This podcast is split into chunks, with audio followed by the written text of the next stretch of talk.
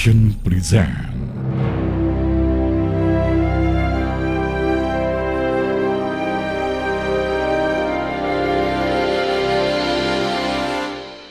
Assalamualaikum warahmatullahi wabarakatuh. Halo adik-adik, apa kabarnya hari ini?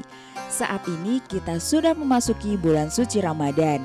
Itu tandanya kita seluruh umat muslim wajib menjalankan ibadah puasa Semoga selalu diberi kelancaran dalam berpuasa ya adik-adik Kali ini Kak Yaya ingin bercerita tentang kisah-kisah islami yang tentunya patut kita teladani ya Dan selain itu kita bisa ambil hikmahnya kalau begitu, Kak Yaya mulai saja ya adik-adik ceritanya. Jadi selamat mendengarkan ya.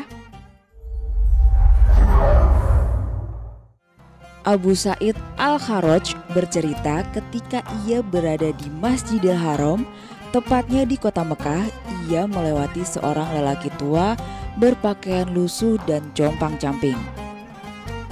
Apakah Tuhan akan bersedekah Kelakuan orang tua ini menyusahkan banyak orang.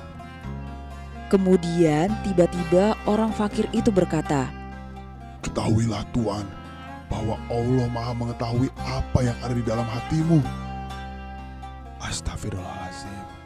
Kemudian kembali lelaki tua itu berkata, Dialah yang menerima taubat hamba-hambanya dan memaafkan kesalahan-kesalahan serta mengetahui apa yang kamu kerjakan. Sejak kejadian itu, Abu Said bin Al-Haraj tidak lagi berprasangka buruk kepada siapa pun.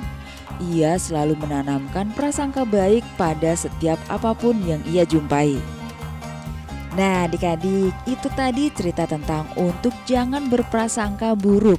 Menjaga sikap baik kepada siapa pun adalah hal utama yang harus dilakukan oleh setiap muslim berprasangka buruk kepada orang lain, walaupun itu dalam hati, Allah pasti akan mengetahuinya. Karena prasangka buruk adalah hal utama yang dapat menyebabkan fitnah.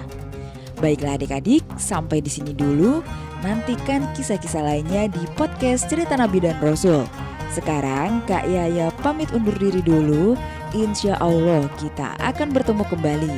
Selamat menjalankan ibadah puasa ya.